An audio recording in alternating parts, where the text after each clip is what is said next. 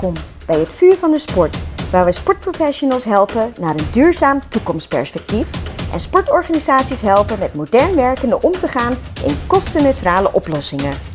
We kijken innovatief naar de branche met als doel klassieke overtuigingen los te laten en mee te gaan met de behoeften van de arbeidsmarkt binnen de sport. Hier is je gastheer Remy Broens. Waarom een sport-CO een duurzaam toekomstperspectief tegenwerkt voor de sportprofessional. Voor je me tegen de muur plaatst en neerschiet, hear me out. Tijdens het onderdeel zwemmen op de Olympische Spelen in 2000 werd er een nieuw zwempak geïntroduceerd.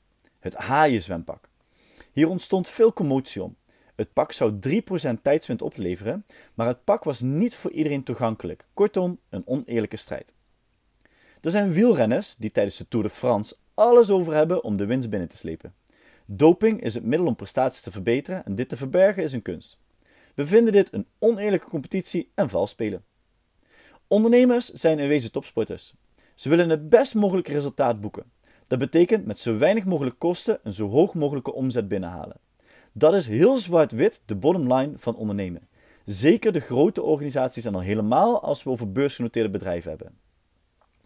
Op het moment dat we ondernemers een CAO geven waar ze zich aan moeten houden, geven we de ondernemers de regie en verantwoordelijkheid over jouw inkomen, arbeidsvoorwaarden, ontwikkeling, toekomst en gezondheid. We geven dus de regels aan de mensen die, nogmaals heel zwart-wit, het doel hebben een zo groot mogelijke winst te maken. Dan start dus het spel van omzet verhogen en kosten verlagen.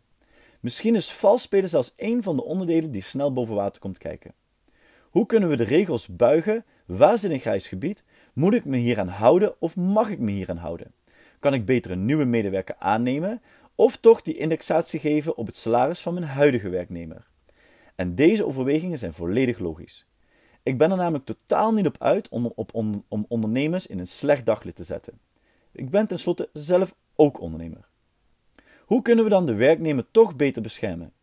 door de regie bij de werkende neer te leggen en de verantwoordelijkheid te delen. Werknemer A heeft een enorme behoefte om de wereld te verkennen en wil per jaar zes weken verlof kunnen nemen. Hij of zij is bereid om minder eh, per maand te verdienen en in ruil hiervoor meer verlofuren op te bouwen. Terwijl werknemer B graag zoveel mogelijk meer uren wil draaien en laten uitbetalen en vooral niet opsparen. Hij of zij is namelijk aan het sparen voor een aankoop van het eerste huis. Iedereen heeft eigen voorkeuren en wensen. Als we dus de rollen omdraaien en de regie bij de werkende neerleggen, dan kijken we naar een bedrag welke iemand verdient per uur, week, maand of project.